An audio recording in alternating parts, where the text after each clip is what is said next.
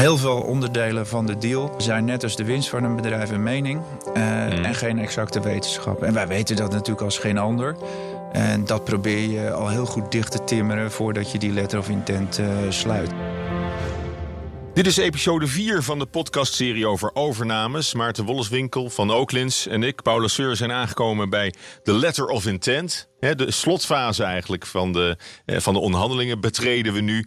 En ehm, ja, dat komt eigenlijk na, na de eerdere stappen. De eerste stap is de interne fase, waarin je de onderneming verkooprijp uh, maakt. Alle fiscaal de boel nog eens even flink, uh, flink opschudt en opschoont, zodat het goed uitziet. Dat is fase 1. Daar hebben we het ook in de eerste aflevering over gehad. de tweede stap is dat je met de onderneming de markt op gaat. Dat je, ver, dat je kopers gaat zoeken. Dus je maakt een longlist met potentiële kopers voor het bedrijf die je dan vervolgens weer kan eh, benaderen.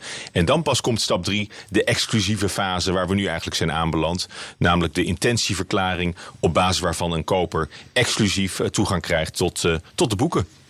Ja, zo zeg ik het toch goed, hè? Je zegt het helemaal, helemaal goed, Paul. En, maar dat betekent ook dat die letter of intent, hè, die intentieverklaring, het voornemen om, om er samen uit te komen en de, de formulering daarvan, dat is wel een, een cruciaal document, denk ik, in de, ja, onderhandelingsfase. Ja, als je kijkt naar bedrijfsverkoopprocessen, dan is dat eigenlijk het draaipunt hè, waarop uh, het onderhandelingsmomentum uh, naar de andere kant van de tafel gaat. Dus van verkoper naar koper. Ja, want wat, wat maakt die letter of intent zo, zo belangrijk? Nou, een letter of intent bevat in feite altijd uh, exclusiviteit. Dat betekent dat uh, de koper uh, een periode krijgt om, laten we zeggen, twee maanden mm. de boeken te onderzoeken. En dat mag hij exclusief doen. Dat eist hij ook, want hij heeft in de periode daarvoor het beste bod gedaan op de onderneming. En zegt, nou, op deze voorwaarden wil ik ook exclusief kijken of ik de deal kan afronden.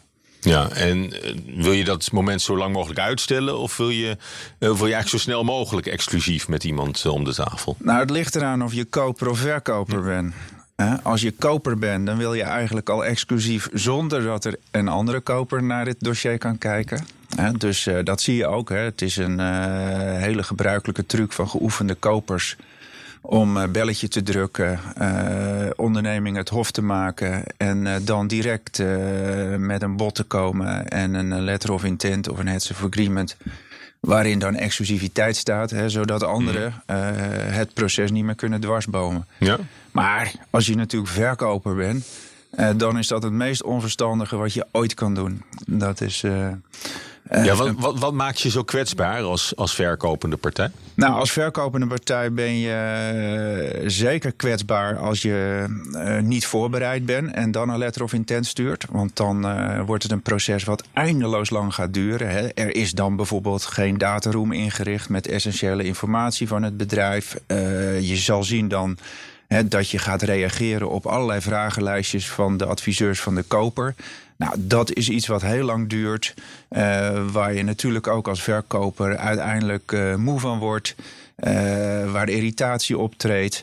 En uiteindelijk compromisbereidheid. En dat weet die koper. Die koper weet dat als je maar lang genoeg duwt en trekt. En, en traineert, dat uiteindelijk verkoper zegt: Nou ja, misschien met die korting en die korting. Uh, en die extra garanties en vrijwaringen uh, wil ik het toch nog wel doen. Ja, want de letter of intent is eigenlijk het, uh, het startpunt van de, van de finale onderhandelingen. Ja.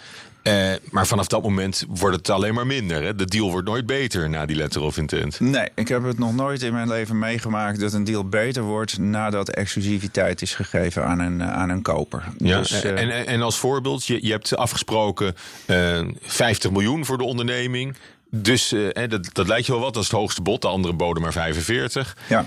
En dan maak je een letter of intent. Maar dan komt die 50 miljoen nooit meer op tafel? Nou, uh, het ligt eraan hoe je de letter of intent maakt. En daar gaan we het natuurlijk in deze podcast verder over, over hebben. Uh, maar de letter of intent is eigenlijk het belangrijkste draaipunt van de onderhandeling. Dus als je die 50 miljoen, hè, als we daar maar eens mee beginnen, hè, hoe omschrijf je de prijs?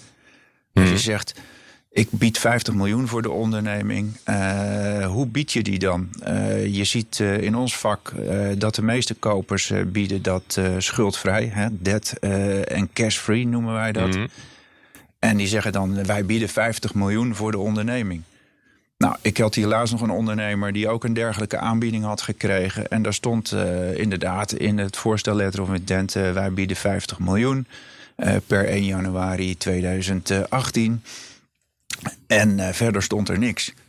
Nou, dat is al natuurlijk een heerlijke uitgangspositie voor de koper. Want waar ga je die 50 miljoen dan voor bieden? Is dat voor de aandelen per die datum? Is dat uh, 100% in cash of zit er misschien nog een earn-out in? wat doe je met de winst die in het lopend boekjaar nog wordt gemaakt totdat de deal wordt geclosed? Mm. En zo zijn er tientallen andere elementen die meespelen. Wij zien dat er gemiddeld genomen 15% onderhandelingsruimte rondom zo'n getal zit. En ja. dat betekent dat kopers zeggen van ja, debt en cash-free betekent eh, dat wij eh, ook eh, bepaalde voorzieningen als schulden van de koopprijs kunnen aftrekken. Of dat het werkkapitaal niet gewoon normaal is voor de tijd van het jaar. En ja, het is gewoon één groot onderhandelingsparadijs.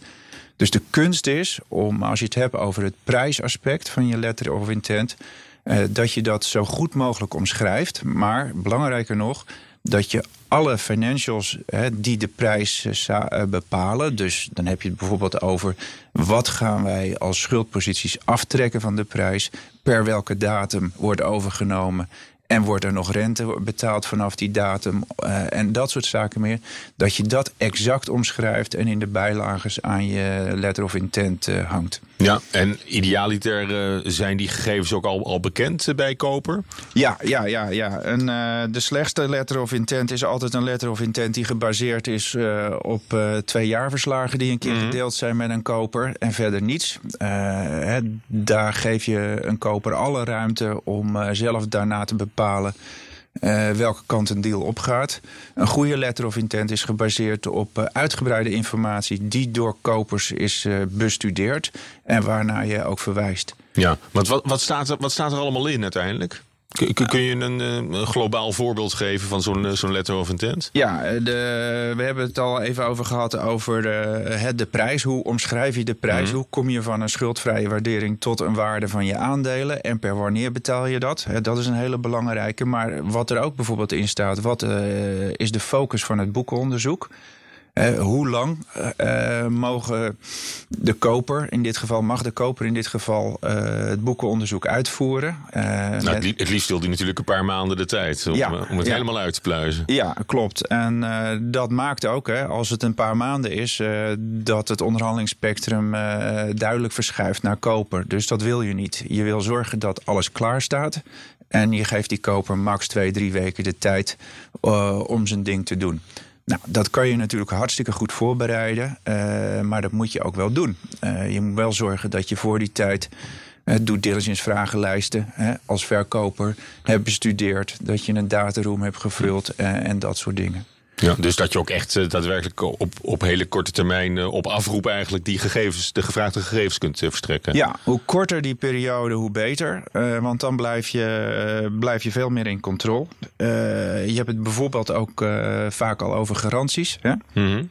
Sta je garant voor de hele koopsom of voor, voor bijvoorbeeld maar 40% van de koopsom?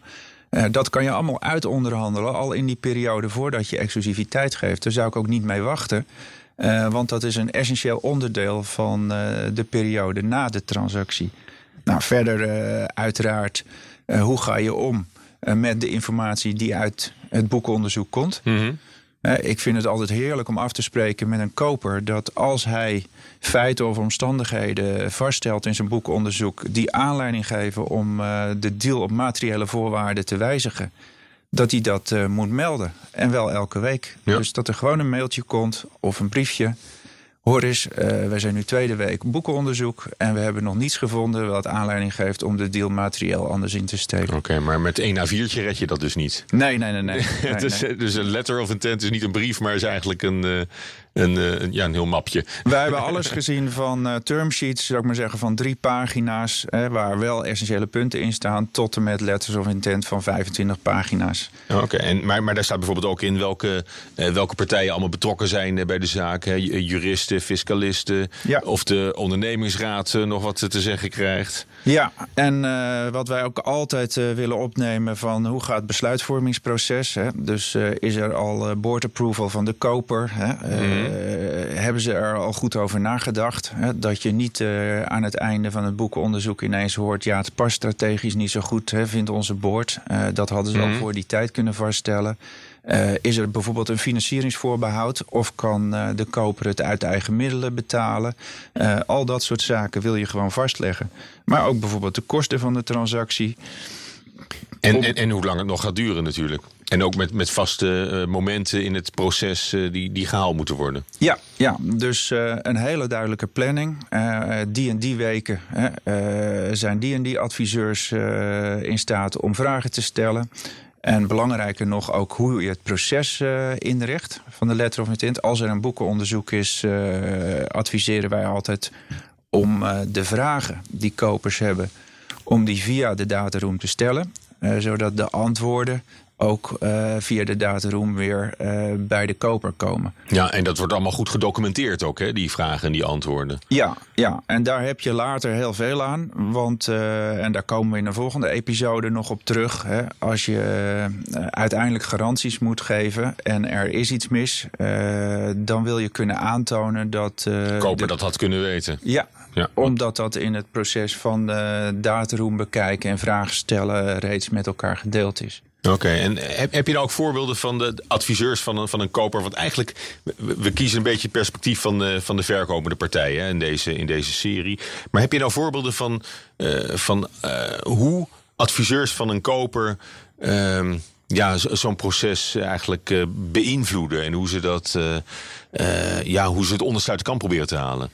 Ja, nee, ik denk uh, dat je als uh, verkoper altijd moet realiseren dat alle adviseurs van de koper uh, maar één doel hebben. Of twee doelen, laten we zeggen. Hm. Enerzijds de risico's voor hun cliënt zoveel mogelijk in kaart brengen van de transactie. maar het tweede is hun fees terugverdienen voor hun klant. Dat betekent dat eh, de accountant. Uh, het zijn dure adviseurs? Ja, het zijn allemaal dure adviseurs. Maar dat bijvoorbeeld de accountant die een analyse maakt van uh, de schuldpositie of de debt en debt-like items noemen wij dat wel eens.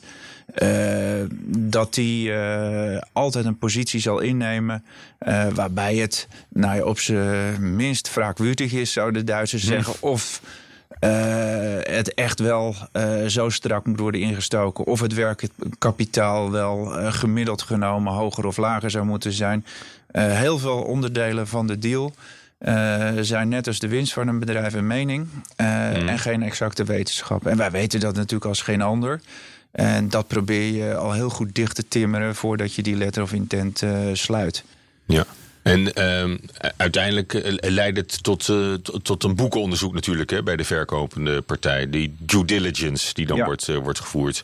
Dat is ook, dat is ook wel bepalend hè, hoe, je dat, hoe je dat omschrijft. Ja, dus uh, wat is de focus van het uh, boekenonderzoek? Hè, wat gaan ze onderzoeken? Nou, meestal zijn dat wel de uh, reguliere dingen. Hè? Dus je hebt het hmm. over fiscale zaken. Je hebt het over gewoon het natrekken van de winst en de cashflow, werkkapitaal, mm. balansposities, debiteurentermijnen. Nou, noem allemaal maar op. maar er zitten ook andere dingen bij. Koper hè, wil in zijn boekenonderzoek ook bijvoorbeeld een aantal commerciële checks doen. Hè? Dus uh, zijn die toeleveranciers uh, committed om uh, bij het bedrijf te blijven toeleveren als ik de nieuwe eigenaar ben? Dat is een hele relevante vraag. Of bijvoorbeeld, hoe zit het met het key personeel, hè, het management, mm hè, wat niet de eigenaar is. Hè, maar daar worden ook al gesprekken mee gevoerd. Nou, dat is wat een koper natuurlijk graag wil. Mm. En graag zo vroeg mogelijk.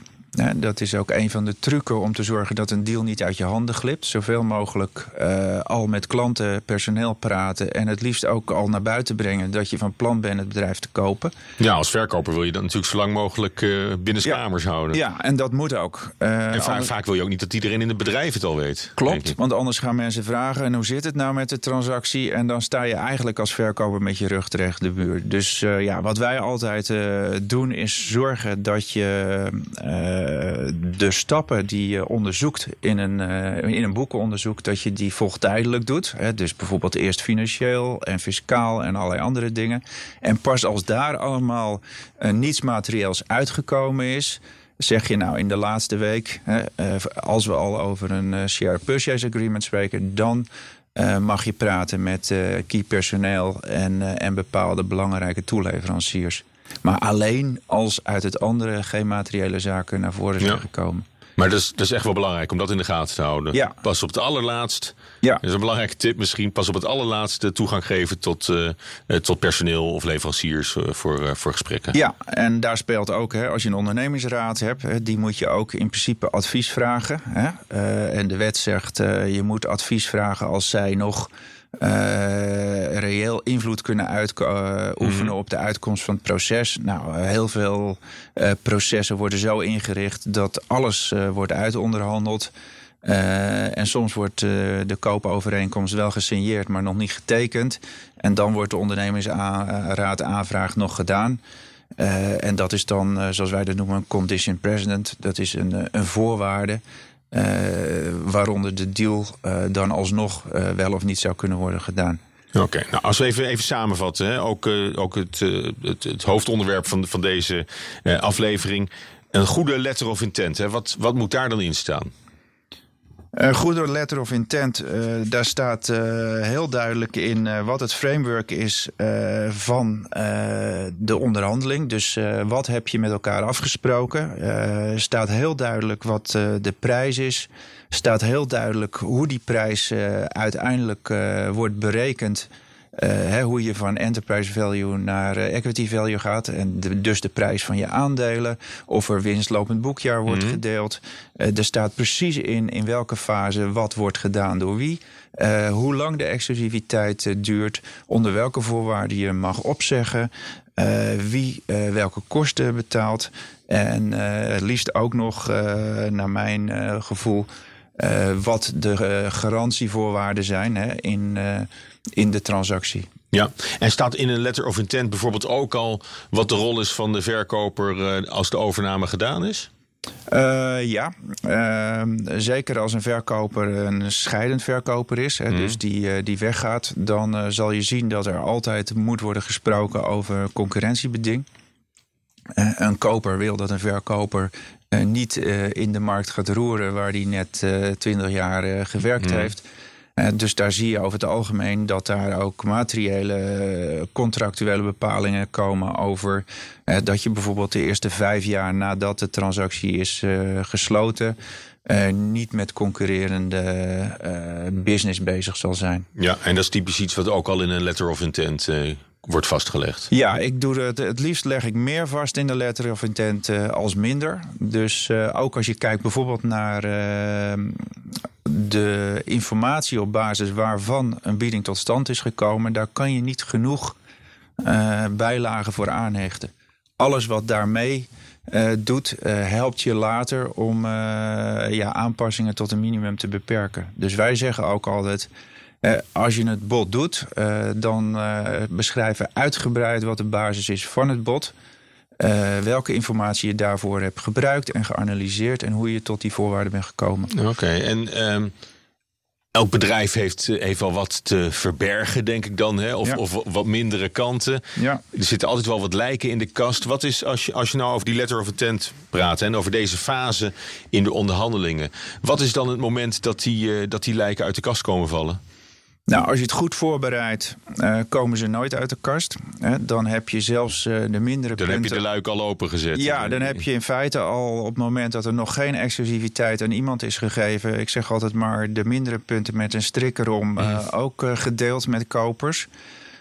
Maar er zijn en altijd... ook weer gedocumenteerd, zodat ze niet later kunnen zeggen van dat, dat konden we niet weten. Precies. Dat je dan kunt zeggen, dat kon je wel weten, want kijk maar hier. Ja, maar er zijn ook uh, allerlei dingen die, uh, die gebeuren gewoon omdat je er geen invloed op hebt. Hè. Het kan best zijn uh, dat de business ineens heel erg achterblijft hè, tijdens het mm. boekenonderzoek. Hè. Dus dat je je budgetten niet haalt. Nou, dat is over het algemeen killing hè, voor de prijsvorming van een transactie.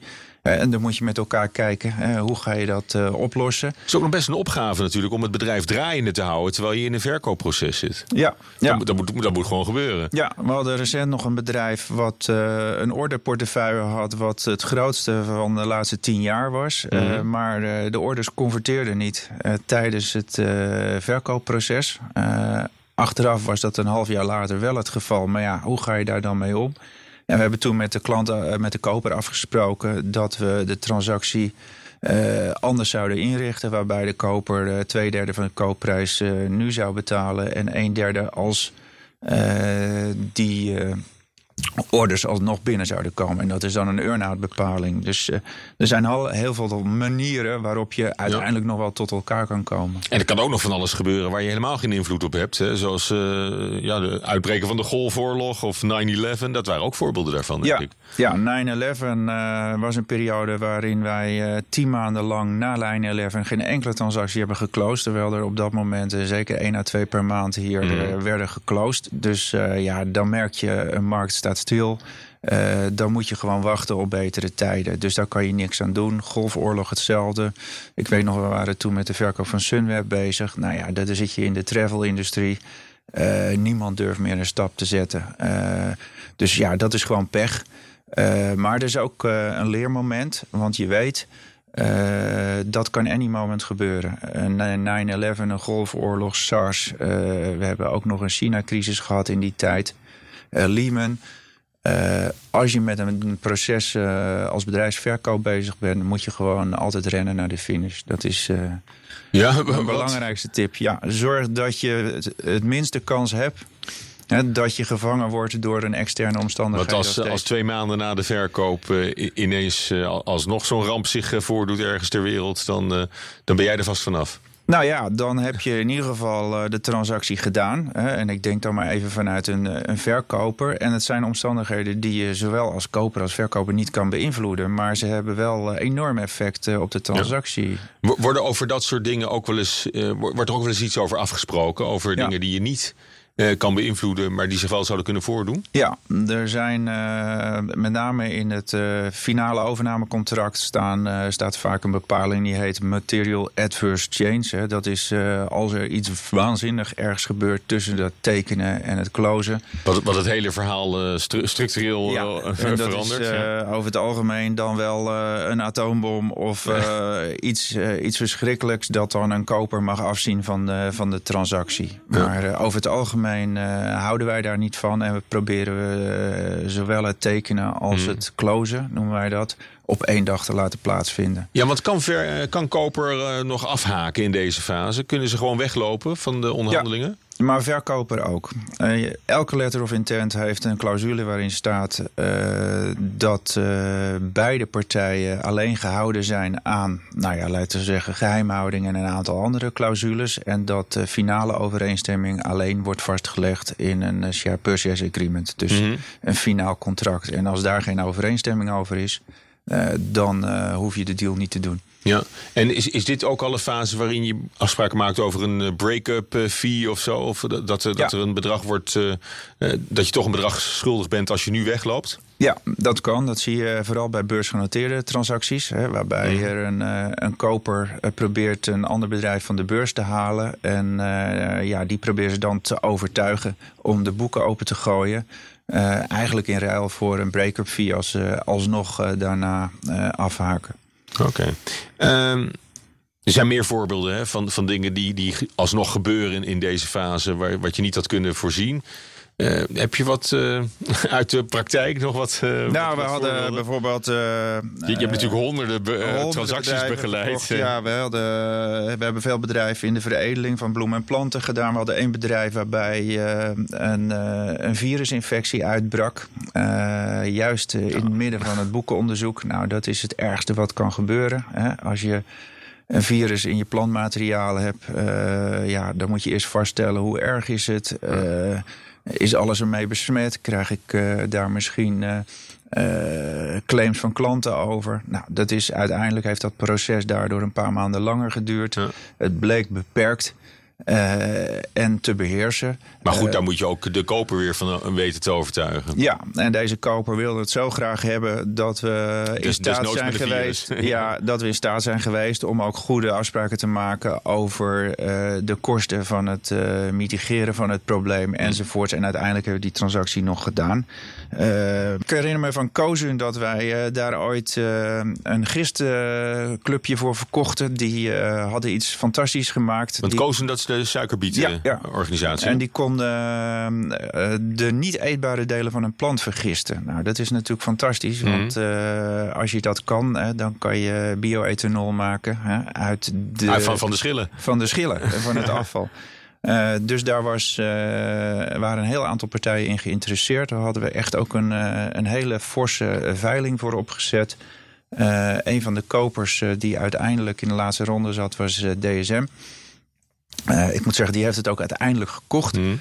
Uh, echter, ik denk dat het een week voordat we zouden closen, kwam er naar buiten dat ze een, een, een patent, wat was aangevochten in Duitsland, dat ze daar een, ja, een zaak verloren hadden. En die zaak die sudderde al tien jaar.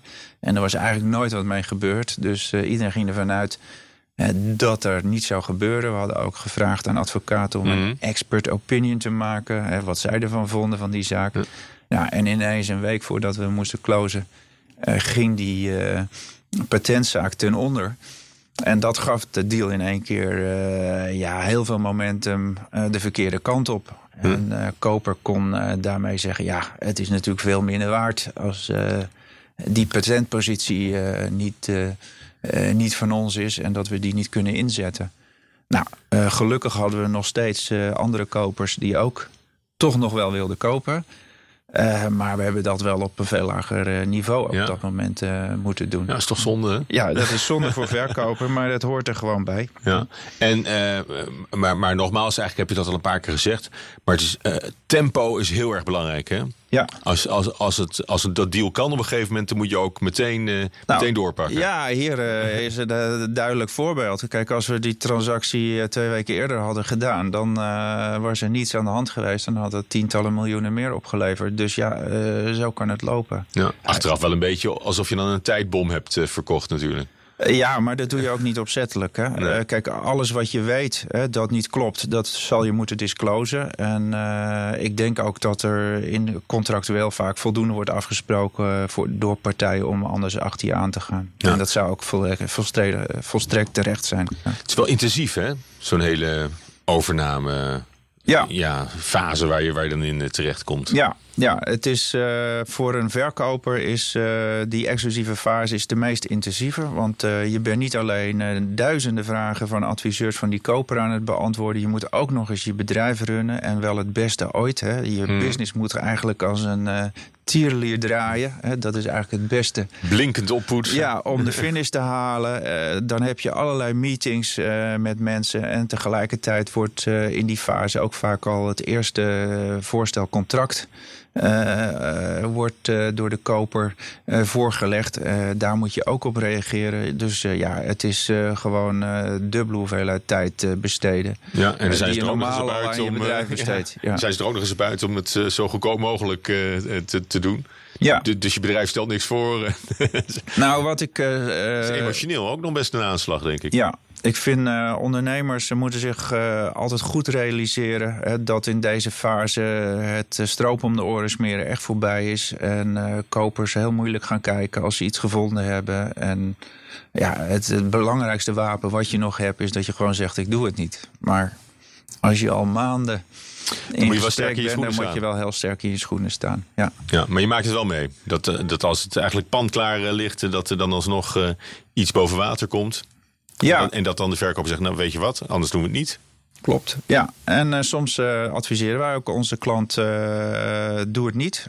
Want de argumenten waarop nu een korting wordt bedongen of materieel andere condities, die zijn niet valide.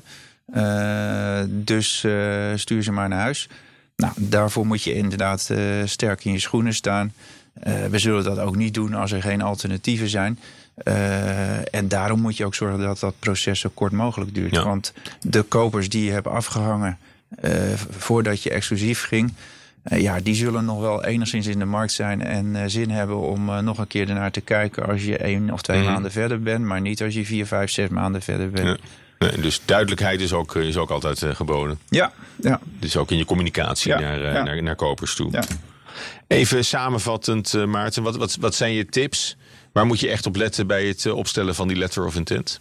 Nou, ik denk uh, de belangrijkste tip is uh, dat je alleen goed voorbereid die letter of intent ingaat. Dus er moet een dataroom klaar staan. je moet er klaar voor zijn voor het boekonderzoek, want dan kan je zo kort mogelijk exclusiviteit geven.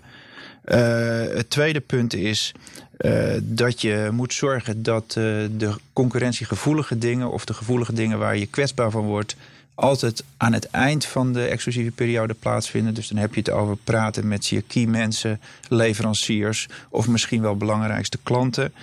Uh, en het derde, en dat is denk ik ook wel iets uh, wat uh, onderschat wordt, is je moet erop alert zijn dat alles wat er in die fase gebeurt in feite onderhandeling is. Dus als de koper de uitkomsten van het boekenonderzoek uh, met je wil komen bespreken, uh, dan moet je niet uh, je voorstellen dat hij gezellig komt praten over hoe mooi het bedrijf is en wat ze allemaal voor mooie dingen hebben vastgesteld. Dan komt hij alleen met die dingen die misschien iets minder mooi zijn en die een onderhandelingsvoordeel opleveren. Ja. Maar goed, al met al, die letter of intent, die, die komt zo uh, tot stand. En uh, daarmee gaan we de slotfase in van de, van de onderhandeling. En daar gaan we het in de, in de volgende aflevering over hebben. Want dan hebben we het over de, over de aandelen overdracht eigenlijk. De, de verkoop van het bedrijf. Ja, dat is het laatste vuurwerk. dat is... zeg de eindsprint van dit hele traject. De eindsprint, closing the deal. en uiteindelijk is in het overnamecontract de beschrijving van de prijs maar één alinea en hebben we nog 30, 40 pagina's uh, met andere materiële voorwaarden. Uh, en die, die zijn ook heel erg belangrijk. Nou, die houden de luisteraars uh, nog even goed voor de vijfde aflevering straks. Dankjewel, Maarten Wolleswinkel. En ik ben Paula Seur. Tot volgende keer.